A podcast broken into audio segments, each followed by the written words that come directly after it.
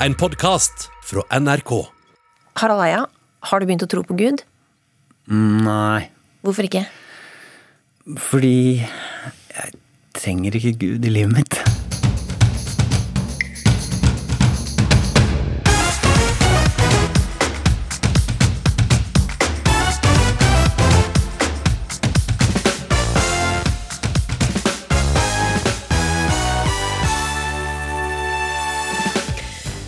Notorisk svindler prøvde å lure Per Sandberg til å tro han skulle arve millioner.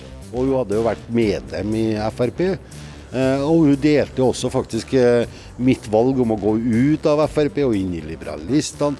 Så hun hadde gjort en eh, grundig research, altså. Torbjørn Lea sliter fortsatt et halvt år etter at han fikk korona. Han blir provosert når Donald Trump sier folk ikke skal være redde for sykdommen. Vårt Land måtte dementere at Harald Eia har begynt å tro på Gud, men Eia mener han vet hvorfor så få tror på Gud i Norge. Og det blir kjøttbolleduell mellom Bård Hoksrud og Ikea. Frp-politikeren liker dårlig at møbelgiganten vil at folk skal spise planteboller i stedet for de svenske kjøttbollene. Velkommen til ukeslutt med Linn Beate Gabrielsen. Don't cry for me, White House staffers. The truth is, I will infect you. All through my tweeting, my mad existence. I broke my promise, won't keep my distance. The Lincoln Project, republikanerne som ikke vil ha Donald Trump eh, gjenvalgt, har lagd denne videoen som harselerer med Trumps oppførsel etter at han fikk eh, korona. I dag inviterer eh, Trump til valgkampmøte utenfor Det hvite hus, bare dager etter at han kom ut fra sykehuset. I et TV-intervju i natt sa Trump at han har vært medisinfri i åtte timer, og at han tror han er smittefri og frisk, men han svarte ikke på hva resultatet av den siste koronatesten var. Torbjørn Lea, du fikk covid-19 allerede i mars. og Da Trump kom hjem fra sykehuset tidligere i uka, så rev han av seg munnbindet og sa at folk ikke trenger å være redde for eh, korona. Hvordan reagerte du da du hørte det? Jeg må herlig innrømme at jeg vet ikke engang om jeg skulle le eller grine. Men eh, det blir veldig provoserende å se en president gjøre noe sånt. Kjenner du deg igjen i eh, hvordan sykdommen eh, startet? Absolutt. Um, Jeg var først uh, med feber sjøl og fikk hoste. Uh, Men så ble jeg altså bedre uh, i noen dager. Før alt gikk fullstendig gale. Så um, Det er jo ting som vi gjerne ikke ser på Trump akkurat nå, men det kan jo allikevel komme. Ja, Han har jo gått på steroider og sier at han føler seg bedre enn på 20 år. Men hvordan var det sykdommen forverret seg for deg? Eh, Det var faktisk feberen som begynte å, begynte å få feber, veldig høy feber. Og til slutt så ville ikke feberen gå ned i det hele tatt, selv med smertestillende eller febernedsettende medisiner. Eh, Og det endte til slutt opp med at eh, jeg fikk faktisk ikke puste. Det var, eh, og det endte såpass eh, gale at jeg ble lagt inn på sykehus. Espen Nakstad, assisterende helsedirektør. Eh, Trump sier altså at han føler seg frisk. Han skal holde folkemøte i dag. Hvordan vil du vurdere det smittevernmessig? Nei, nå kjenner ikke jeg detaljene i hvordan det planlegges gjennomført, da, men det er klart at både det amerikanske smittevernbyrået, CDC, altså Centers for Disease Control and Prevention, og WHO anbefaler jo forsiktighet når det gjelder ansamling av mennesker, og det gjør vi i Norge også. I tillegg til dette med avstandsråd osv. Så videre. sånn at eh, det er ikke noe tvil om hva de generelle anbefalingene er eh, i hele verden når det gjelder smittevernmessig i den situasjonen. Hadde, hadde du latt Erna Solberg eller Bernt, Bent Høie få ha folkemøte så raskt?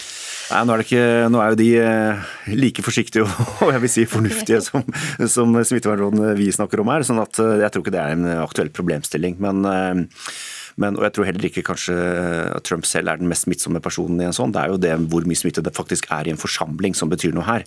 Og, og Har du mange mennesker til stede et sted, og en av dem er syke, og man ikke har god avstand, og særlig hvis det er innendørs eller er på en måte veldig tett ansamling, så er det en ganske betydelig smitterisiko, har det vist seg. Mm. Men hvor mye vanskeligere hadde jobben din vært hvis du hadde hatt Trump, da, som ga sine egne råd på tvers av dine råd? Nei, jeg, skal ikke spekulere i det. Jeg er glad for at vi, at vi bor i Norge og jobber i Norge. Og, og, jeg må jo si at For Norges del så har vi hatt et utrolig godt samarbeid eh, på tvers av etater, og også med politiske myndigheter, både lokalt og nasjonalt. Eh, i både kommuner og stat. Men du føler så... kanskje litt med han Fåsi? Som... Ja, det er klart at han har ikke noe lett jobb. Det er, det er ikke noe tvil om det. Og, så, og Eh, det er også det at I Norge så, så, er folk også ganske godt opplyst, forstår mye av denne sykdommen etter hvert. Eh, det gjør man opplagt ikke like mye alle andre steder. Eh, og, og Det som dette ble sagt her med det typiske sykdomsforløpet, er jo sånne eksempler på det. ikke sant, At mange tror at det er den første uka du du, det er liksom faren over, men mange blir jo veldig syke i uke to f.eks. Det er jo ting som folk har fått med seg i Norge, og folk forstår hvorfor vi har karanteneregler som er så lange som de er f.eks. Torbjørn Lea, eh, Trump sier jo at det var en velsignelse at han fikk eh, korona, for at han tok denne medisinen Remdesivir, som jo ennå ikke er eh, godkjent, men han vil at liksom alle skal få den og de skal få det gratis. Hva, hva tenker du om det? Det er klart, i en sykdomsbilde, der er du gjerne Hvis du er syk, og sånn som meg sjøl, så var jo jeg villig til å ta hva som helst for å bli frisk. Eh, men å si dette til menigmann at dette skal dere få helt gratis uten å egentlig ha testa det ut noe særlig, så hadde jeg gjerne vært litt mer skeptisk. Men du hadde tatt et Trump-kur i mars? I mars, da hadde jeg definitivt tatt det. Absolutt. Hva tenker du, eh, Nakstad? Eh, han lover dette, som er en eksperimentell medisin? Det er jo, som Medisinsk sett er dette veldig interessant. fordi altså Remdesivir ble utviklet egentlig for ebola og marburgvirus for mange år siden, men viste seg egentlig ikke å være veldig effektivt mot de virusene. Eh, men det viser seg å, å ha en effekt på virusproduksjonen i kroppen hos de som er smittet med covid-19, altså dette SARS-CoV-2-viruset, som det egentlig heter. Og Det er godt dokumentert nå at eh, det forkorter sykehusoppholdet for de som er lagt inn på sykehus med covid-19. Om det også reduserer dødeligheten, det er ikke helt godt dokumentert ennå, men eh, nå er det jo en svær WHO-studie på gang, Solidarity-studien, som vil kunne avdekke det. Og Jeg tror nok at remdesivir vil vise seg å ha noe effekt. Men det er ikke noe vidundermedisin. Det er liksom ikke en kur, akkurat som antibiotika er mot uh, streptokokker i halsen eller den type ting. Altså, det er ikke sånn kjempeeffektiv behandling. Men det kan bidra og kanskje tippe noen syke pasienter i riktig retning litt tidligere. Hmm. Og så har vi dette, Nå skal alle influensavaksineres, og påstanden da om at korona ikke er noe farligere enn vanlig influensa er jo standhaftig. Men uh, hvor mye mer dødelig er eh, covid-19? Nei, altså, hvis du ser liksom eh, globalt, da, for å bruke de tallene, så eh, dette er det jo uttalt mye om i forskningsmiljøer, så man regner med at eh, Covid-19 sånn som man ser det nå globalt, har en dødelighet på ca. 0,68% eller 0,7 omtrent. Eh, influensa har nok en blant de som blir smittet, altså. Mens influensa har nok en dødelighet på under 0,1% så det er en stor forskjell der. Men eh, i Norge så har vi hatt ganske god kontroll og, og, og, skjermet også en del risikogrupper. sånn at i Norge så ser vi at dødeligheten antagelig er på 0,3% når vi tar høyde for at veldig mange flere har vært syke enn de som er testa. Men det interessante her er jo da hvor mange rammes av dette hvis det får spre seg fritt i verden? For da er det jo egentlig det som er interessant. For influensa er vi jo ganske godt beskyttet mot. Mange er vaksinert, mange har immunitet fra tidligere influensa. Mens covid-19 er det ingen som har hatt tidligere. sånn at det er egentlig den store forskjellen som gjør at covid-19 er veldig mye mer farlig og dødelig enn influensa, tross alt. Torbjørn Lea, unnskyld. Torbjørn Lea, hvordan går det med deg nå? Det går mye bedre, det, det, er jeg veldig glad for. Men uh, nå ser jeg fram til et opphold på fire uker på LHL Gardermoen, som skal få kontroll på lungene mine. Det er, først, det, er det som henger igjen da. Mm. Tusen takk skal dere ha begge to, Torbjørn Lea og Espen Nakstad. Det gikk altså ikke lang tid fra president Trump var hjemme fra sykehuset til han slo tilbake mot motstanderne sine i kjent stil denne uka. Og mens han fortsatt gikk på steroider, ringte han inn til favorittprogrammet sitt på Fox og langet ut i alle retninger. Og nok en gang stiller demokratene spørsmål ved om presidenten er ved sine fulle fem. Sofie Haugestøl, USA-kommentator. Mye har skjedd siden den første presidentdebatten, som egentlig bare var for halvannen uke siden. Hvor vanskelig jobb har Trump nå med å få fart på valgkampen igjen? Oh, jeg tror Problemet for han er at han har egentlig hatt en uke hvor han ikke har fått gjort noe valgkamp. Og det i innspurten på et amerikansk valg er jo helt krise at du ikke får lov til å være ute blant velgere. Og Noe Trump var flink til sist, det var jo å ha store velgermøter, møte masse folk, um, snakke med dem. Og det han, har han ikke fått gjort siste uken. Han har vært inne mm. isolert. Og Litt av strategien hans har jo vært å gå hardt ut mot Bidens helse. og Hvordan slår det på en måte tilbake på han nå? Det er kanskje ironien for meg, for før den første presidentdebatten så prøvde jo Trump å få Biden til å narkotikateste seg, dopingsteste seg. For han, han har jo an, mer enn antydet at Biden tar senil jeg vet ikke, senilmedisiner eller et eller annet sånt. Og det ville da bli avslørt. Um, så det har jo vært en av hans strategier å snakke mye om Bidens helse. Uh, og undergrave helsen hans. Og nå er det jo eh, halvannen uke senere så er det Trump som er på, på steroider. Og, eh, og det er hans helse som er i fokus. Så det er en sånn ironisk omrokering av hele valgkampen. Og så er det jo det at Trump, hvis du ser på meningsmålingene, så har han hatt en skikkelig dårlig uke. Det at meningsmålingene over tid nå, siste uken, har svekket seg. Nå ligger Biden i gjennomsnitt da 10 prosentpoeng foran Trump nasjonalt. Så det har ikke vært noe sympati å hente på at han har vært syk heller? Nei. eh, Jeg tror nok mange velgere opplever eller sier i disse meningsmålingene at de mener at han har gjort en dårlig jobb med koronakrisen. Gjermund Eriksen, kommunikasjonsekspert og kjent fra NRK-podkasten Trump mot eh, verden. Hva slags eh, valgkampstrategi vil du si Trump er i sving med nå? Eh, desperat kaving. Han vet at hvis det handler om pandemi, så taper han. Fordi der har han ikke hatt så veldig troverdighet. Og han er livredd for at han ikke skal få til to ting. Det ene er jo å snakke ned Biden, og det har han prøvd på nå i fire-fem måneder og brukt milliarder av dollar på uten at det har svekka han. Biden leder med 10 prosentpoeng.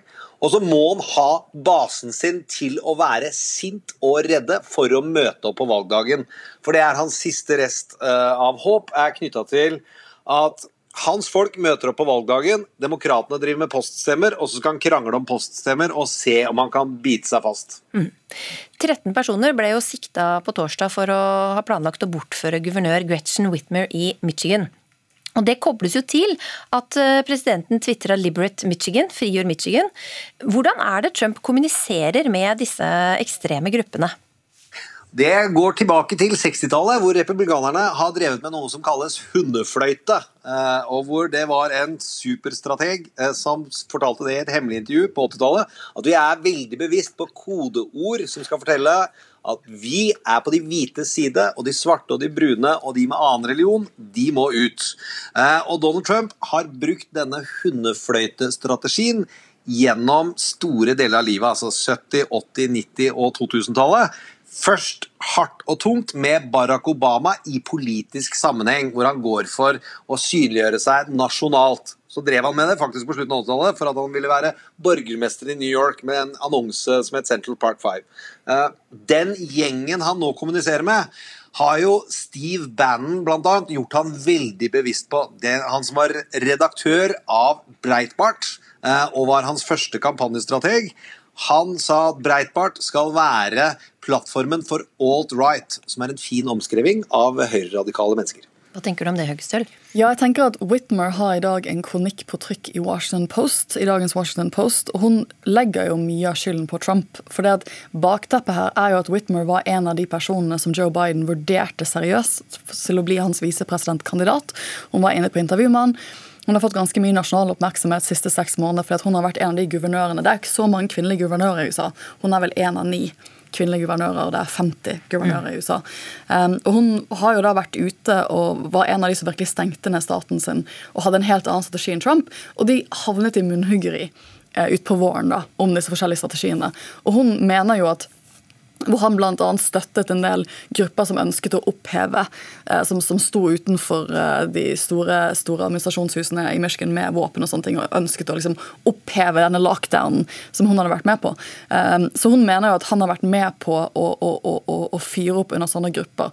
Så hun går ganske hardt ut. og Da blir det igjen at, at fokuset blir på Trump og Trumps koronahåndtering. og Det blir jo igjen korona som er fokuset, også i denne saken her. Eh, Visepresident Mike Pence han forsvarte jo anklagene da, om at Trump er rasist med at svigersønnen til Trump er eh, jøde. Hva tenker du om det, Eriksen? Eh, Det er en tynn, rar unnskyldning, som jeg også hørte på 80- og 90-tallet. At eh, kan, du kan si hva du vil om folk med en annen farge og en annen religion, eh, fordi du har én venn eh, som eh, tilhører den. Eh, så fortsetter du å holde på.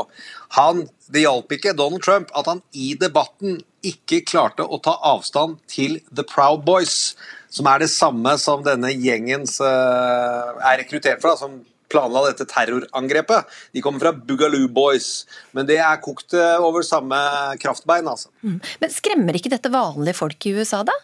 Jo, det har også skremt velgere vekk fra Donald Trump hele veien. Uh, han tjente ikke på uh, måten han håndterte Charleston på, dette rasist kjører inn i en demonstrasjon-hendelsen som skjedde i 2017, var det vel, uh, og hvor folk fra høyre, ytre høyresiden ropte 'Jews will not replace us'. Når Donald Trump ikke klarte å ta avstand fra det, så er det det laveste Eh, meningsmålingsoppslutningen han har hatt i sin presidentperiode. Det samme i fjor sommer, når han eh, tillot å si om tre fargede med en annen etnisitet i Kongressen Kan ikke dere reise igjen til landet dere kommer fra? Da tapte han seg veldig. Hvorfor han ikke lærer av det, er merksnodig. Men Demokratenes leder Nancy Pelosi hun ville jo også ha vurdert da, om Trump faktisk er i stand til å ivareta pliktene sine som eh, president. Vil det føre til noe som eh, helst, Høgestøl? Antageligvis ikke. Eh, den amerikanske grunnloven fikk regler for hva man gjør når en president blir for syk eller f.eks. dør i vervet. Tydeligere regler rundt det på 60-tallet. Og Man har brukt de reglene noen ganger når presidenter for har hatt operasjoner. Så har de midlertidig gitt presidentmakten til visepresidenten. Men det er også en regel, den, en av de reglene i Grunnloven er jo også at hvis presidenten er ute og kjører, da, så kan man ta fra han myndigheten til å være president. Men det har aldri blitt brukt før. Og de reglene ligger, og det, og det Myndigheten til å gjøre det ligger jo ikke i Grunnloven til Kongressen, så hun har jo ikke den myndigheten sånn åpenbart, men det er jo en måte igjen å prøve å få fokuset på Trumps helse etter han har prøvd å gjøre Bidens helse såpass, eh, til en såpass stor valgkampsak. Ja, Er ikke dette også ganske drøyt politisk spill av demokratene, Eriksen?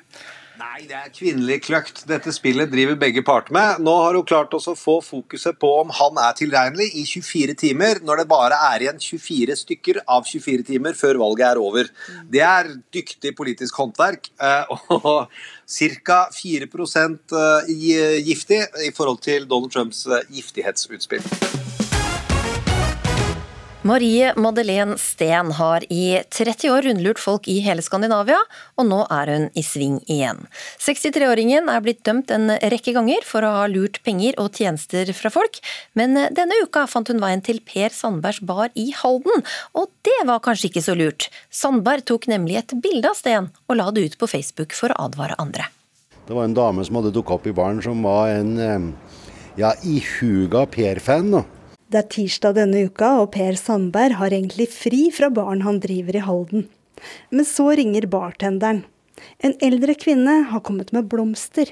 Og var, Hun var ikke alene heller, faktisk. Altså på kortet, det, det, kortet som han skrev til meg, og bare, som fulgte denne blomsterbuketten, så var det ikke bare hun, men det var ti damer i Oslo som var sterke sympatisører av meg og Bare. Eh, og nå på førstkommende lørdag så skulle de eh, oppsøke oss i baren, da. Og hun hadde jo vært medlem i Frp. Eh, og hun delte også faktisk eh, mitt valg om å gå ut av Frp og inn i liberalistene. Så hun hadde gjort en eh, grundig research. altså. I tillegg til å støtte Sandberg i alt, forteller den 63 år gamle kvinnen at kreftbehandlingen hennes er avslutta. Hun er døende. Da hadde hun vært hos advokaten sin i, i, i Halden og skrevet noen gavebrev og gjort opp et oppgjør, for du hadde arva 22 millioner og hadde beslutta at vi skal få en del av denne store arven hennes. Da jeg dro derifra, så det første jeg begynte å gjøre, for jeg fikk ikke noe annet enn et, et fornavn, Maria. Så da begynte jeg å eh, søke og google på Maria, og da dukka ja, Nordens eller Skandinavias største svindler opp, så eh, da var det lett match for meg. Og da ringte jeg ned til bartenderen min og så sa jeg nå må du holde deg varm. Hvordan det gikk da Per Sandberg konfronterte henne, skal du få høre snart. Men først litt om Marie Madeleine Steen, eventuelt Larsen, eventuelt Maria Hansen. Kvinnen som opererer under mange ulike navn, er dømt for mer enn 100 straffbare forhold i Norge, Sverige og Danmark de siste 30 åra. I den danske podkasten 'Kvinnen med den tunge koffert' får vi høre hvordan norske Marie tar inn på klostre og andre overnattingssteder for å hvile. Hun sier hun har uhelbredelig kreft. Etter å ha bodd der en stund, stikker hun av uten å betale. Det er første gangen det har gått galt. Jeg heter Maria, forresten. Jeg heter Christer. Hyggelig, hyggelig, hyggelig å møte deg. Journalist Christer Moltzen får etter flere måneders jakt en prat med Marie på et busstopp.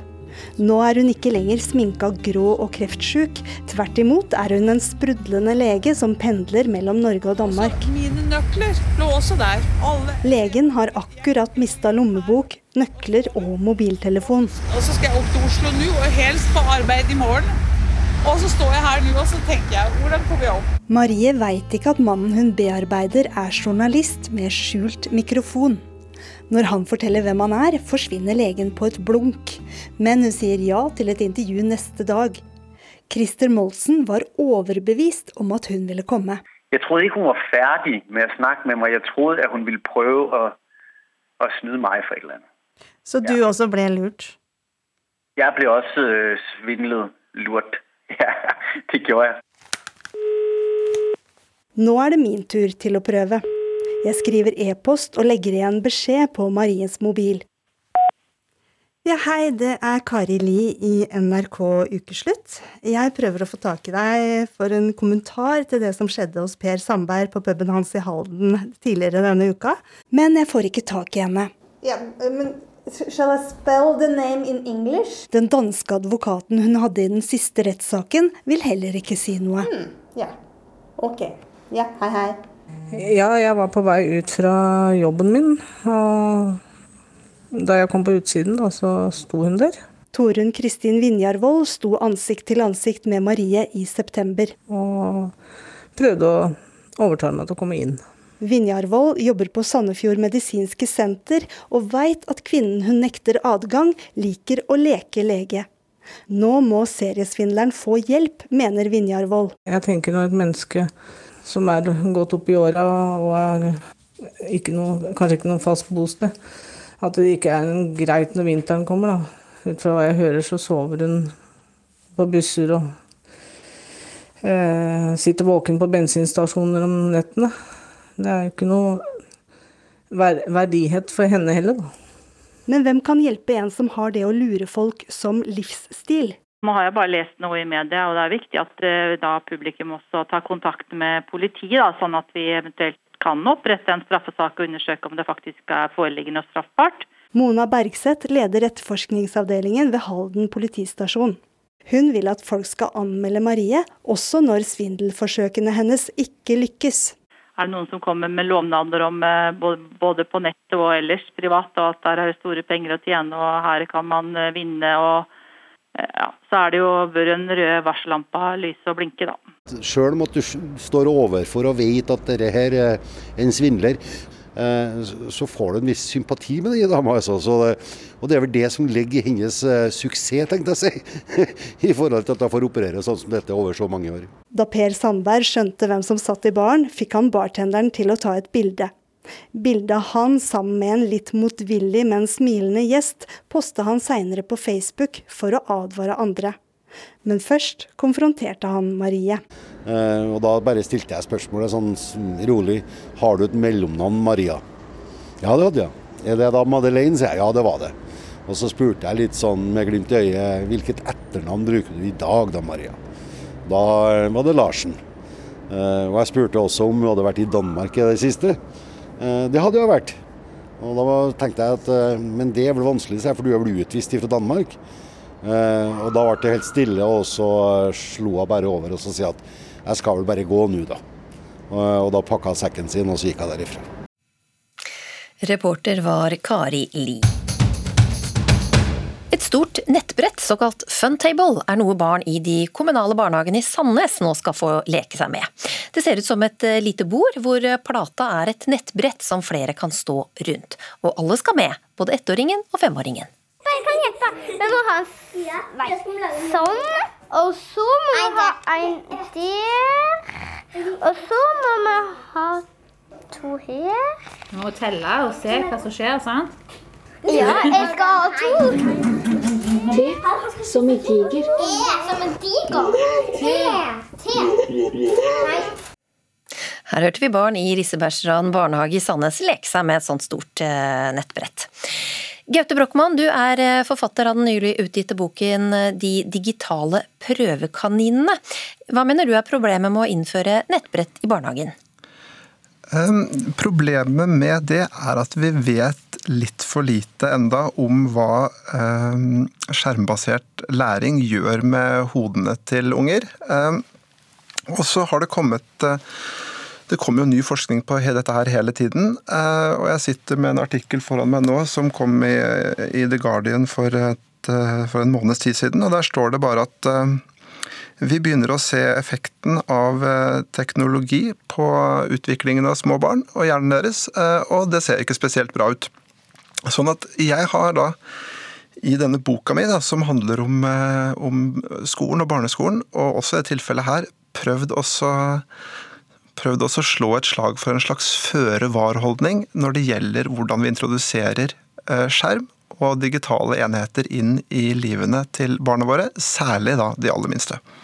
Vibeke Fossdal, du er rådgiver i Sandnes kommune og jobber da med digital praksis i barnehagene. Hvorfor mener dere det er viktig at barn allerede i barnehagen får bruke nettbrett? Det mener vi fordi at verden er digital. Barn vokser opp i en verden som er full av teknologi. Det er en naturlig del av hverdagen deres eh, i samfunnet ellers, og da er det òg en naturlig del at den finnes i barnehagen.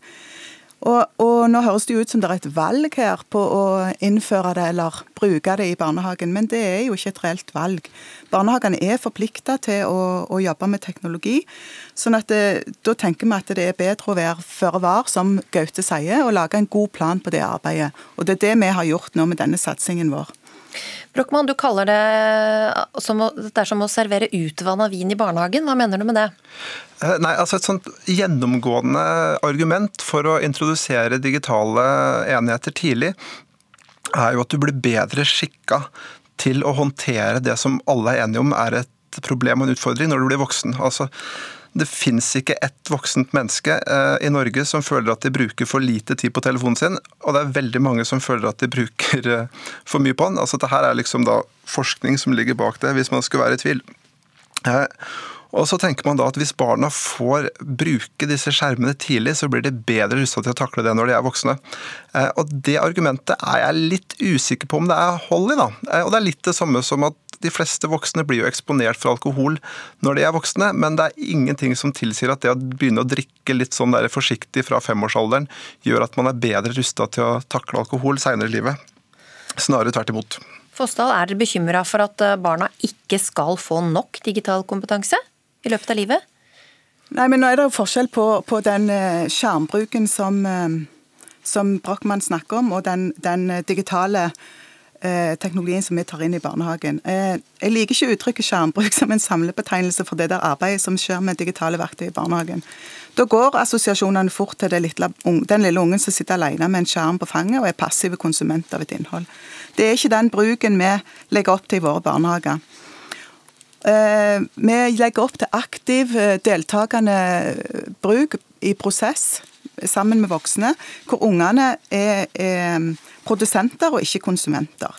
Eh, og jeg tenker at, at den kjennskap til digitale verktøy i ung alder vil nok i hvert fall gi dem et grunnlag for, et likere grunnlag for å komme på skolen senere, hvor alle da har fått uh, vært innom og, og, fått kjennskap til digitale verktøy. Brochmann, er det noe bedre at eh, barna introduseres for nettbrett f.eks. hjemme, da, hvor de kanskje bare blir satt og ser på noen filmsnutter, mens i barnehagen så har de forhåpentligvis en tanke bak, da, som vi hører her? Eh, nei, det er ikke noe bedre. Og som jeg vet, og de aller aller fleste som har unge vet, så er jo nettopp det å redusere skjermtid et hovedproblem, en sånn kjempeutfordring i alle familier med unger i alle aldre. Sånn at eh, det at, eh, det at, man, eh, at det er noe bedre at man får det hjemme, det tenker jeg ikke. Men så er spørsmålet, da. Er det noe i den teknologien her som er problematisk i seg sjøl? Det er liksom sånn derre du blir ikke mindre avhengig av vin av at det står en voksen og holder deg i hånda. Det blir ikke noe mindre forurensning av en bil av at det sitter en voksen ved siden av når du kjører. Så spørsmålet her er da, er det noe i den teknologien som i seg sjøl er en utfordring? Og det har det vært forska utrolig lite på. og jeg eller motdebattanten min her vet så veldig mye om det. Men de forskningsresultatene som er på vei, sier at det skjer et eller annet i hodet ditt da, når du sitter med disse skjermene. Om det så er å se på en tegnefilm eller å bruke det til læring, som kanskje ikke er like bra som det som skjer når du leser ei bok. Og det er ganske interessant, for vi veit jo, vi vet jo at alle unger blir eksponert mye for skjerm når de er små. Det er ikke noe som begynner på skolen og ikke har sett en skjerm før. Det er liksom 0,01 promille. Men det vi vet er at det er mange unger som har konsentrasjonsvansker. Det er mange unger som har vanskeligheter med dybdelæring.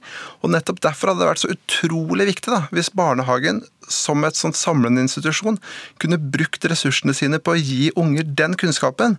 For det vet vi med ny læreplan, at er det noe man er opptatt av at små unger skal lære seg, så er det nettopp dybdelæring og det å få god konsentrasjon. Fossdal, hvordan eh, blir barn bedre rusta til å takle f.eks. Eh, skjermavhengighet og sånne manipulerende algoritmer som vi blir utsatt for ved å, ved å starte å bruke dette tidlig? Eh, når, vi snakker, når, vi snakker, om, eh, om dette med skjermbruk, så tenker jeg at det ene utelukker ikke det andre. Vi, vi skal fremdeles være ute. Vi skal fremdeles eh, være i sandkassen og bli skitne på knærne i våre barnehager. Og, og så, så Istedenfor å se på alle problemene, så kan vi jo kanskje se på om disse digitale verktøyene kan tilføre noe. Vi lærer forskjellig. Eh, det er forskjellige metoder. Noen er taktile, liker å ta på ting. Andre er auditive, bruker hørselen. Andre er visuelle og bruker synet. Og Da krever det jo i utgangspunktet ulike verktøy og metoder for innlæring. Og her tenker vi at Digitale verktøy kan være et supplement til det vi tradisjonelt har brukt i barnehagen. Altså en annen måte å leke og lære på. Eh, og Om de blir bedre rusta til å, å, takle digitale verktøy senere i, i, livet, det er ikke jeg den rette til å svare på, akkurat som ikke Brochmann er det. Men for vi mangler for lite forskning. Det som vi har tenkt i, barne, i barnehagen i Sandnes, er, eller i Sandnes kommune, er at vi vil bidra inn i denne forskningen. Vi har knytta til oss eh, og er i samarbeid med Universitetet i Stavanger, og ønsker at de skal komme inn og se på det som vi gjør nå. Se på praksisen vår og se på effektene. Og se om vi kan justere bruken, sånn at vi er i i tråd med forskning hele tida. Det skal bli spennende å følge med på. Takk for at dere ble med i Ukeslutt, Vibeke Fossdal i Sandnes kommune og Gaute Brochmann. Kongen er sitt eh, gode gamle jeg, sa legeteamet som i går opererte kong eh, Harald. Hjerteklaffen til kongen måtte skiftes ut, og operasjonen var ifølge legene vellykket. Kristi Marie Skrede, du følger kongehuset for NRK, og hvordan går det med kongen i dag? Det har akkurat kommet ei melding fra Slottet, en legebulleteng kan en eh, kanskje kalle det. Der uh, forteller de at tilstanden er god. Livlegen Bjørn Benz uh, sier at kongen har hatt en kort spasertur, og tilstanden er god. Vet vi noe om han har fått mye besøk? Vi vet at uh, dronninga og kronprinsregenten kom allerede klokka tre i går og var på besøk en times tid. Så at familien kommer på besøk, eh, det, det er bra for pasienten, og det har, har kongen allerede fått, ja. Hvor lenge er det venta nå at han blir på sykehuset? Det legen sa i går, var at kongen skulle være iallfall over helga, og så at en måtte se det fra dag til dag. Eh, har, eh, det legene har sagt om sånn type inngrep, er at pasientene ofte er innlagt i mellom tre til fem dager. Men det er jo store individuelle uh, variasjoner på dette her, og kongen er jo kongen, så han blir ikke utskreven før legen er trygg på at det er rett. Men hva skjer videre nå, da? Blir, med kongen så mm. blir han videre fulgt opp på Rikshospitalet, og så skal han være sykmeldt ut oktober. Eh, han må ta det med ro og bygge seg opp igjen. Det legen sa i går, var at eh, den helsegevinsten en håper å få på å skifte den hjerteklaffen, nemlig at kongen får bedre pust, den skal komme med en gang. Eh, så vi får håpe det gjelder for kongen. Men han blir ikke å se eh, i arbeid som Norges monark eh, før tidligst i november. Og det er nok da noen som ikke får den kongelige oppmerksomhet, eller det er en besøk eller den hjelp av kongen som, som var planlagt da. Mm. Eh, mens vi venter på å høre fra kongen selv eh, etter hvert, så kan vi høre hva han sa til eh, NRK Super sist han ble hjerteoperert i 2005. Hvordan merket du at du måtte skifte den kraften? Ikke noe, jeg merket ikke noe særlig til det. Jeg ble litt andpusten. Mer enn vanlig. Uh, og ellers merket jeg ikke noe særlig til det, så det var legene som fant ut det. Ble du bedre etter du hadde operert deg? Ikke med en gang. Men nå er jeg mye bedre enn jeg var den gangen. Men grue seg til å operere? Det gjorde jeg. Legene fortalte meg at, eh, at, dette var rutine, og det sa jeg det er nok det for dere, men ikke for pasienten. det sa han altså i 2015. Tror du kongen hører mye på radio i sykesengen, Kristin Marit Skrede? Eh, nå når det ikke er noe vinteridrett som konkurrerer med radio, altså på TV, for eh, er det idrett på TV, så etter det vi forstår, så ser kongen på det. Men eh, radio fra sykesenga er jo et veldig godt alternativ når en ikke har idrett som konkurrerer. Jeg måtte logge av Instagram, orket ikke å framstå som han sprudlende og vellykka fyren med det konstant store smilet lenger. Det skrev du, Martin Holmen, programleder i NRK P3, i en ytring på nrk.no med overskriften Falsk lykke. For det du ikke delte, var de tunge øyeblikkene. Hvorfor ikke? Mm, det var fordi det er vanskelig å dele de tunge øyeblikkene. Man blir På Instagram så skal jo alt være veldig perfekt. Og hvordan skal man klare å dele de tunge øyeblikkene? Det er jo veldig vanskelig. Samtidig så var jeg nok ikke klar til å gjøre det heller, fordi eh, det var så mye lettere bare dele de fine øyeblikkene og bare levere det glansbildet som man alltid hadde levert. da. Um, og det, det gikk jo ikke til slutt, fant jeg ut. På et av bildene dine på Instagram så står du på en fjelltopp og så sier du føler deg som en supermann. Men hvordan hadde du det egentlig da, på den fjellturen? Den fjellturen var jo kjempefin. Det er uh, fjell som heter Mannen, uh, som ligger ved Leknes i Lofoten. Uh, også på tur opp går jeg med da, min bror da, og, og dama hans. og Så nærmer vi oss toppen, og da kjenner jeg en veldig sterk klaustrofobi. Det er liksom sånn sterkere enn altså Jeg er ikke redd for fjell skal rase, jeg er ikke redd for noen ting der, men det er bare inni meg. Så det blir en veldig stor angst. så jeg må faktisk holde hånda til broren min på vei opp. Det er, altså sånn, det er De siste ja, 100 meterne så er det, er det klamrefast i hånda for å komme meg helt tatt opp på toppen der. Eh, og da, når man først kommer på toppen, så føler man seg som Supermann. Det gjør man jo. Så det er jo riktig følelse. Men man ser jo ikke det at jeg er egentlig på Altså, jeg gråter. Det er jo, det er jo ganske brutalt, da. Hva gjorde at du bestemte deg for å være åpen og, og dele hvordan du egentlig har hatt det i denne ytringen? det er det at jeg, jeg kjente etter hvert at det var ikke et Det jeg delte, var falskt på Instagram. Det var ikke det jeg det jeg følte og det jeg ville vise. Og, så, og i jobben min så er man, man er et forbilde for mange. Uh, og så etter hvert gikk det opp for meg hvis ikke jeg klarer å dele hvordan jeg har det, så, så hvem skal gjøre det da? Uh, og det er veldig mange på Insta eller på sosiale medier som, som deler glansbildene av seg sjøl. Og, og, det ble jo slik at til slutt så måtte jeg bare ta en pause. Jeg klarte ikke å dele mer. Var, nå var det nok. Og da måtte jeg ta en stopp, og så, og så Ja, da ble det jo bråstopp. Men så nå må jeg, nå må jeg, det jeg har lært nå, de siste sju ukene uten Instagram, det må jeg dele. Dette her er, dette er aha-opplevelse for meg. Dette her må flere få vite om. At vi sjøl kan ta en stopp vi trenger ikke å være pålogga hele tida. Vi, vi, vi sjøl kan bestemme hvor, hvor mange fine kropper vi skal få i feeden vår. Hvor mange fine kropper vi skal se hver dag. Av, av fantastiske, fine kropper. Altså, jeg ble jo helt sånn Å, sånn kropp vil jeg ha. Du, og så skriver du også at du har vært mye trist det siste året. og Hvordan, hvordan er det prega livet ditt? det har vært tunge stunder. Det har vært skjedd ganske mye uh, som, som, jeg ikke har lyst til å dele, men det har skjedd også mye ting som jeg kan dele, som er ganske universelt. da. Men det handler bl.a. om at i sommer fant jeg ut at, jeg, at jeg, jeg, gikk på veggen. Det var som man sier, at man rett og slett innså hva jeg holdt på med de siste årene. Um, og jeg, Da begynte jeg å åpne opp, da, for jeg tror jeg har stengt ganske mye inne. Snakket med blant mammaen min, og så sa mamma at det, første gang hun sa jeg skulle begynne å roe ned, da var jeg 22 år, og nå er jeg 28 år. Um, og jeg har jobba veldig for en karriere. Veldig for Jeg elska jobben min, men det har gått på bekostning da, av, av de rundt meg. Altså av kjæreste, familie, venner, og ikke minst meg sjøl. Jeg har ikke turt å stoppe opp og spørre meg sjøl hvordan har jeg det. da. Um, og, uh, så det har vært veldig, et veldig trist år. Uh, så korona har på en måte ikke vært noe for meg. Det har vært sånn en liten smule i havet. Jeg har ikke brydd meg om korona, egentlig. Det har vært nok med meg sjøl, og det er ganske rart, egentlig. Når alle andre rundt er sånn Ja, koronaen er vanskelig. Den er fæl. Og så blir jeg sånn, ja. ja. Men egentlig er det deilig med korona, for å ha noe annet å tenke på. Ja.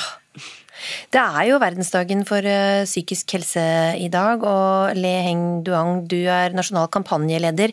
Hva, hva tenker du om åpenheten Martin viser? Jeg blir utrolig rørt, og det er helt fantastisk. For vi trenger flere som Martin. Eh, for det er en sannhet at eh, spesielt menn ikke snakker så mye om eh, følelser.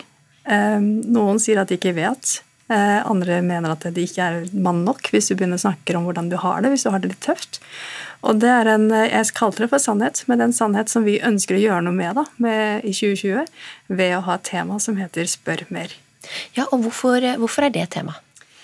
Spør mer er en enklere måte eh, å fortelle deg hva du kan gjøre i hverdagen for å eh, styrke din psykiske helse, helse og andres. Ved å spørre så har du vist oppmerksomhet til noen. Og vi liker jo alle å bli sett og blitt lagt merke til, og at noen ser oss. fordi når jeg får et spørsmål fra noen, så er det jo helt tydelig at de, de, har sett meg. Og det gjør noe med min psykiske helse. Hvordan konkret kan vi spørre, da? Vi kan eh, starte med hvordan har du det egentlig? Sånn som du spurte Martin. Eh, vi kan spørre om noen har lyst til å være med, hvis vi vet at det er det de kanskje trenger. Har sittet hjemme alene. Vi kan spørre om vi kan handle inn mat nå i koronatiden. Kanskje noen som trenger hjelp til det. Eller vi kan spørre noen om de har lyst til å bli med på hytta, som kanskje ikke vanligvis eh, pleier å være med. Så det er mange måter å spørre på. Mm. En eh, overlege og en psykologspesialist de spør i en kronikk i Aftenposten om spør mer virkelig. Er det det mest presserende når det gjelder psykisk eh, helse? Er det det som fortjener eh, fokuset når det er mangel på behandlingstilbud f.eks.? Jeg syns det her eh, Spør mer er et eh, kraftfullt tema innenfor psykisk helse. Eh, hvis ikke vi kan spørre hverandre og bry oss om hverandre, hvor blir det da av den gode psykiske helsen? Det er klart Når du, er, du jobber som lege på et sykehus, så er du opptatt av sengeplasser. Det skal man være. Men da tenker jeg at da må vi spørre politikerne. Bruk årets verdensdagen til å si hva har dere gjort med satsingen på norske sykehus når det gjelder psykisk helse. Martin Holmen, jeg får spørre deg, hvordan føler du deg nå? Hjalp det å logge av Instagram f.eks.? Ja, veldig.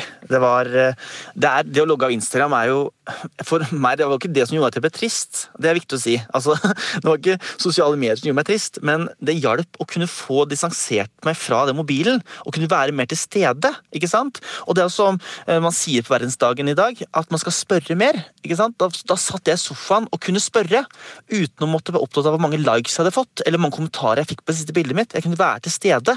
Og det tror jeg er viktig. Både det å kunne spørre. Eh, men mange spurte meg hvordan jeg hadde det, og jeg svarte alltid jeg har det kjempefint. Ikke sant? Mm. Men det er også viktig å kunne Det er vanskelig å skulle si, og mange som hører på nå, kanskje tenker sånn Jaha. Men det der å kunne tørre å kjenne etter også er viktig. Det å, det å sette seg ned faktisk alene og tenke hvordan har jeg det nå? Det tror jeg er veldig viktig at man tør også. Men det er veldig god, god start av å faktisk spørre også. Og ta med hvis du ser noen som er lei seg, de vet kanskje ikke helt hvor, selv hvorfor de er lei seg. Altså Mange av vennene mine tok med meg på ting eh, de, da de så at jeg var lei meg. Og jeg visste ikke sjøl at jeg var så lei meg som jeg var. Da får vi bare gi oppfordringen vi også. Spør mer. Takk for at dere kom til eh, ukeslutt, Leheng Duong og Martin Holmen. Det er klart jeg er spent. Eh, det er jo en veldig spesiell situasjon å legge frem statsbudsjettet i. Onsdag morgen klokka seks sto et samla pressekorps utenfor huset til eh, finansminister Jan Tore Sanner, antageligvis i håp om å få de første opplysningene om det nye statsbudsjettforslaget. Noe flere fikk med seg, var det morsomme kaffekoppvalget Sanner hadde tatt den dagen. Nemlig en rød mummikopp med figuren Lille My, og det var ikke tilfeldig. Eh, fordi at jeg er eh, veldig glad i Lille My. Eh, og jeg har to kaffekopper med Lille My, og jeg har faktisk nesten hele Mummiserien på, på kaffekoppene. Så i dag så, så, valgte jeg den. Jeg tenkte at det var en fin dag å ha med min maskot. Burde du ikke heller velge en blå kaffekopp i dag?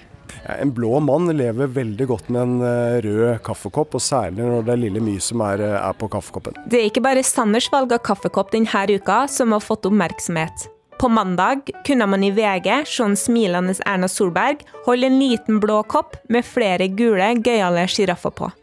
Finansministeren avviste at Høyre har drevet med et skjult koppebudskap denne uka.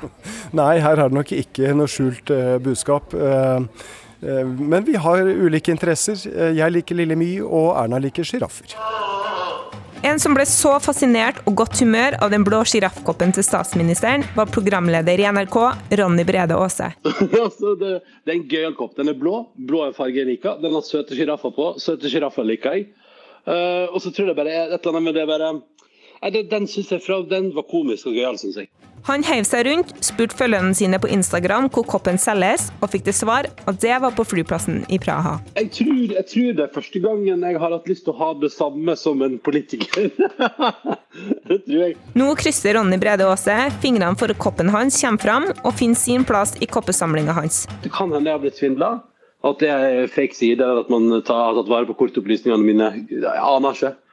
Men hvis koppen kommer fram, så skal jeg si tydelig fra om det. Fordi da, eh, da tipper jeg det er mange andre som òg har lyst til å eh, smykke seg med en flott eh, à la Erna. Så den koppen blir eksponert sammen med Erna Solberg.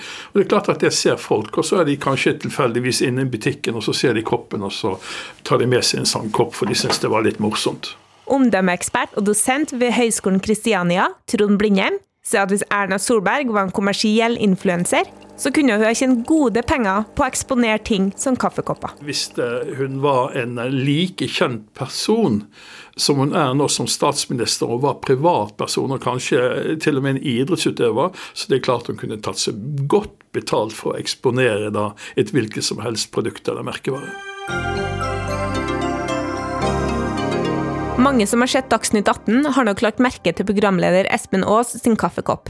Den hvite, store Union Jack-koppen med det britiske flagg på er alltid fylt med urtete når han er i studio.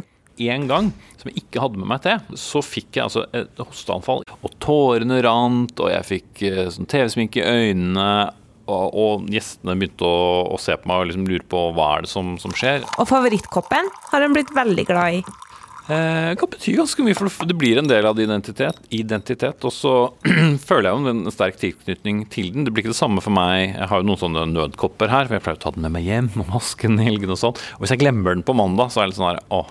Han tenker at kaffekoppen kan være med og folkeliggjøre statsministeren. Men med den litt sånn barnlige koppen, eh, så får du jo henne til å se mer vanlig ut. Hun er jo et, et vanlig menneske, selv om hun også er statsminister. Og med en sånn kopp, fremfor å ha en litt sånn nøytral statsministerens kontorkopp eller noe sånt, som ikke signaliserer noen ting, så er det jo en identitet. Og Aas skjønner godt at folk kan trekke litt ekstra på smilebåndet av finansminister Jan Tore Sanners mummikopp. Som jeg sa til ham en gang jeg skulle ha ham i Dagsrevyen, så sa jeg å, kommer du uten slips? Og så sa Jan Tore Sanner til meg at eh, Hæ? Ja, men jeg går veldig sjelden med slips, men jeg er en sånn fyr som ser ut som jeg alltid går med slips. Og jeg tror kanskje at derfor så blir en sånn mummikopp eh, veldig synlig, da. Og Sanner smiler litt ekstra av at den røde mummikoppen hans har fått mye oppmerksomhet i det siste. Men jeg er glad i, eh, i lille, lille My. Jeg syns hun er en frisk og sterk eh, ung dame. Eh, så derfor så er det min eh, yndlingskopp. Reporter var Runa Leinan.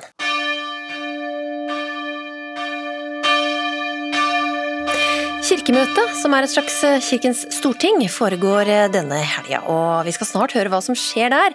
Men stadig færre nordmenn tror på en gud. Og Harald Eia, Vårt Land måtte dementere at du tror på Gud, som de kom i skade for å skrive. Hvordan reagerte du selv på tittelen 'Slik begynte Harald Eia å tro på Gud'? Jeg våknet egentlig bare opp til dementiet. Så at i løpet av natten hadde vært eh, noen nyhetsmeldinger om at jeg var blitt troende, som så hadde blitt trukket tilbake, så var det sånn dramatikk der. Nei, det var, det var, jo, eh, det var jo gøy, det. Det var jo det var sånn at jeg så for meg selv et sekund som troende, og det så ikke så gærent ut, det. Men du har altså forsøkt å finne ut av hvorfor vi tror så lite på Gud i Norge, i, som en del av serien Sånn er Norge. Hvorfor er vi ikke mer interessert i det kirken eh, driver med, tror du?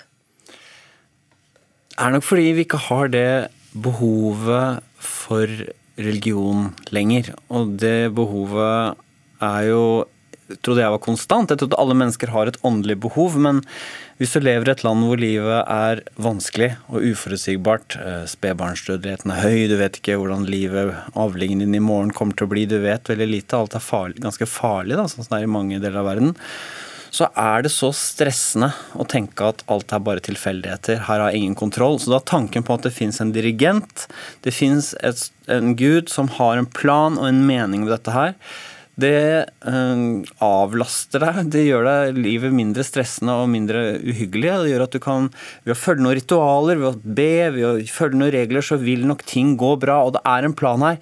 Det behovet forsvinner litt når du lever i et trygt og godt land som Norge og Skandinavia. fordi da er det ikke lenger så behov for tanken om at det finnes en mening og en plan og et liv etter døden.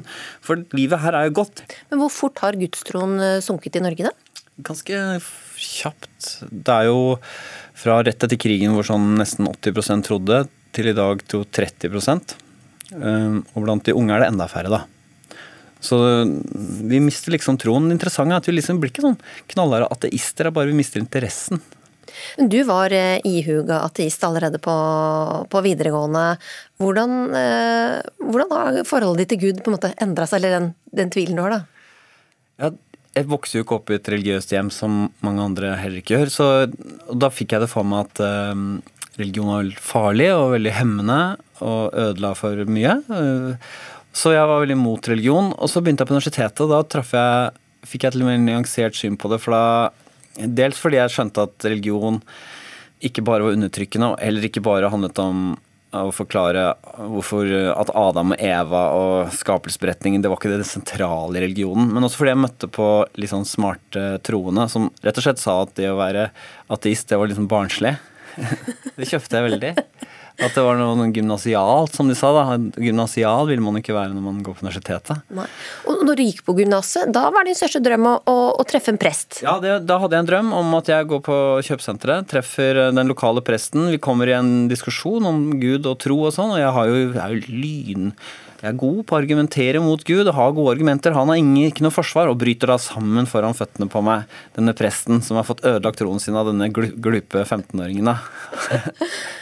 Men det endret seg. Du, ja, jeg ble mer, jeg forsto at det var ikke sånn Det kunne ikke slå folk i hodet med Darwin og Big Bang, og så smuldret troen hen. Så enkelt er det ikke.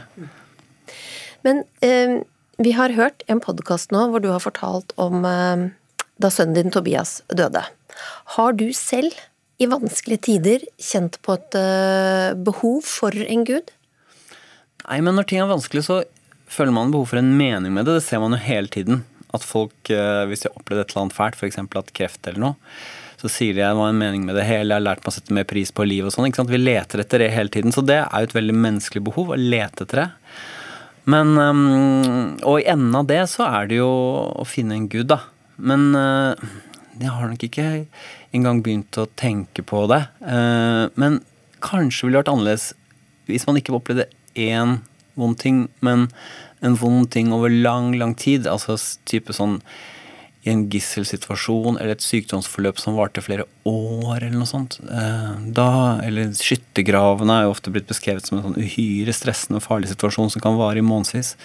Da kanskje man heller mer mot, mot det, men det er, hodene våre det er litt sånn treg materie. Så nei, jeg har, jeg har ikke beveget meg nærmere troen, selv om jeg har opplevd vanskelige ting. Tusen takk skal du ha, Harald Eia. Bare hyggelig. Vi må sjekke med Kirkemøtet også, som foregår i Trondheim akkurat nå. Reporter Arne Kristian Gansmo, hvordan forholder Kirkemøtet seg til det at stadig færre tror på Gud? Ja, Et tema her er jo hva som venter kirka de neste ti åra. Ikke minst fordi vi blir jo stadig eldre her til lands, og det er blant de eldre at kirka har mange medlemmer, mange troende. Og Andelen som er medlem av Den norske kirke vil derfor synke år for år, etter hvert som de eldre sognebarna rett og slett faller ifra.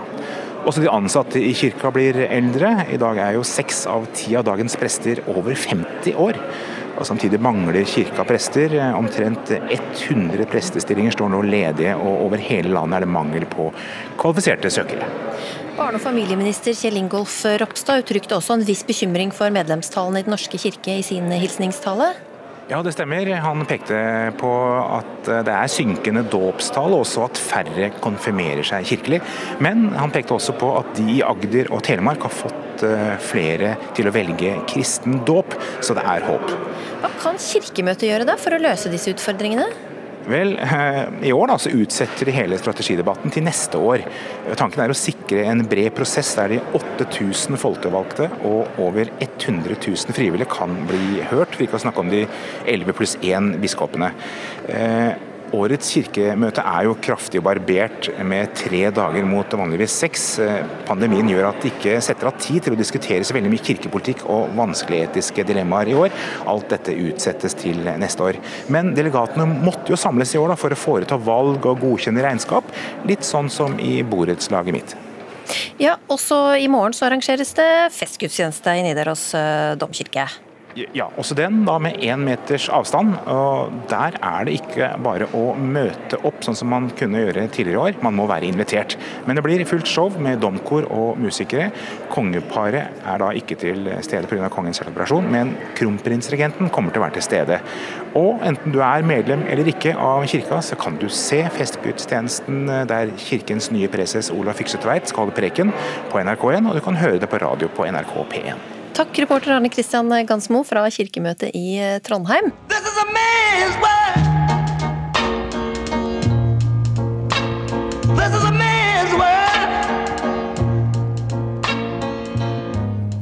Ja, det kan kanskje virke som en eh, manneverden til eh, tider, og det så vi eksempler på også denne uka. Hi, perhaps you recognize me. It's your favorite president. Hele verden har jo vært opptatt av én manns sykdom, og det var også en mann som la fram statsbudsjettet, et budsjett forbrukerøkonom Silje Sandmæl i DNB mente var et mannebudsjett. Årets statsbudsjett er bl.a. positivt for de som sparer i aksjemarkedet og som er formuende. Og hvem er det? Jo, det er menn, så du kan kalle det et mannebudsjett. Det må også mange menn til for å starte et flyselskap. Reine Dressmann-reklamen ble det kalt, da hele seks dresskledde herrer frontet oppstarten av det nye flyselskapet Bråten Air. Dette måtte Erik G. Bråten forklare i Dagsnytt 18. Nei, Jeg har full forståelse for at det ser rart ut, at vi er bare menn. Det er noe sånn at det er ikke så veldig mange kvinner i denne bransjen. Masse menn, men tross alt. But it wouldn't be nothing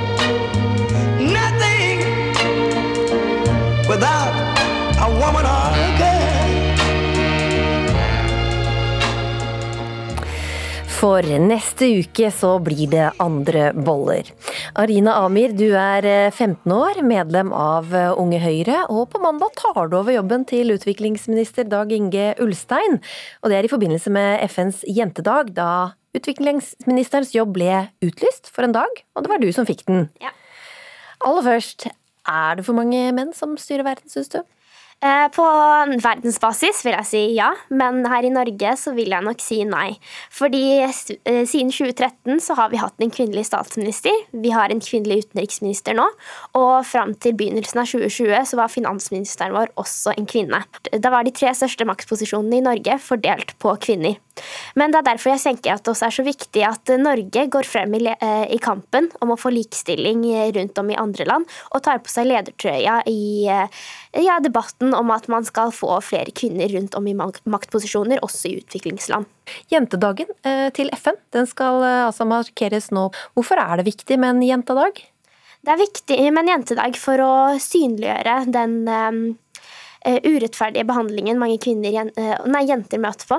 Og så ser vi jo at kvinner har vært i fokus siden rundt 70-tallet, i over 50 år, mens jenter har ikke vært i fokus i like høy grad. Det er jenter som mister retten til skolegang. Det er flere millioner jenter som ikke har rett til, eller som ikke har rett til utdannelse i dag. Det er veldig mange jenter som blir giftet bort til ordentlig gamle menn i en alder av 10-12 år, og dette er ikke frivillig, dette er tvang. Og så er det mange jenter som blir utsatt for vold og overgrep og blir nødt til å jobbe som tjenere hos ukjente familier som utsetter dem for både psykisk og fysisk vold. Hvordan blir det annerledes på utviklingsministerens kontor når du tar over på mandag? Jeg tar jo over i forbindelse med jentedagen, så da kommer det til å være veldig mye fokus på jenter og deres plass i samfunnet. Og da, det, da kommer jeg spesielt til å legge vekt på at de jentene som har mistet retten til utdannelse eh, pga. koronakrisen, kommer tilbake på skolebenken etter når koronapandemien er over. For vi er nødt til å sikre at disse jentene får en trygg og god fremtid, og sikre at de får gode levekår i, også i fremtiden. Lykke til, Arina Ami. Kjøttboller eller veggisboller? Ikea har tatt et valg for deg. Kjøttbollene skal fases ut, og planteboller skal fases inn. Og målet er at du om ti år går for plantebasert middag når du lunsjer hos møbelkjeden. Og dette har fått stortingsrepresentant for Frp og tidligere landbruks- og matminister Bård Hoksrud til å reagere. Hvorfor er det så galt å kutte ut kjøttet i bollene? Nei, Det må selvfølgelig være helt opp egentlig hva man vil, men jeg syns at Ikea her prøver å være veldig politisk korrekte. Og så er det som tidligere landbruks- og matminister klart at jeg er glad i dyra. Jeg syns det er viktig at vi skal ha dyreproduksjon, og det er klart da er kjøtt en viktig del av det. Så det var nok litt det. Også. Men folk må få lov å velge. Ikea må selvfølgelig få lov å velge, men jeg syns det er dumt av dem. For det er, liksom, det er litt sånn svensk over det. Vi skal være veldig veldig portentlige og veldig korrekte. Og det er det jeg liksom tok litt eh, oppgjør med, da. Tor Morten Myrseth, du er sjef for mat og servering hos Ikea her i Norge. Du er ikke redd for å terge flere enn Hoksrud da, med å fase ut disse legendariske kjøttbollene? Nei, Først må jeg få si eh, takk til Hoksrud for engasjementet og, og, de mange menneskene. Det viser seg at de bryr seg uh, om det vi, vi gjør. Og så er jo tross alt det å bli klimapositiv til 2030 et ønsket politisk vedtak som vi, som vi jobber med. Og det er jo ikke noe tvil om at ved å endre kostholdsvannet, så er det kanskje den enkleste og mest effektive måten å redusere klimautslippene på ved å spise mer plantebasert mat. Men Er dere opptatt av å være politisk korrekte, som Hoksrud sier her? Ikea er eh, for folk flest, og vi ønsker å gi eh, det folk flest vil ha. Og etterspørselen etter kjøttfrie alternativer bare øker og øker. Og når vi nå lanserer en, eh, en plantebasert rett som erstatning for kjøttbolla, så er jo, er jo det bare et knallgodt produkt. Hoksrud har smakt på det selv. Og så håper jeg at folk liker det. Vi skal ikke true det på noen. Og vi har fortsatt den originale kjøttbolla fra 1985 ennå.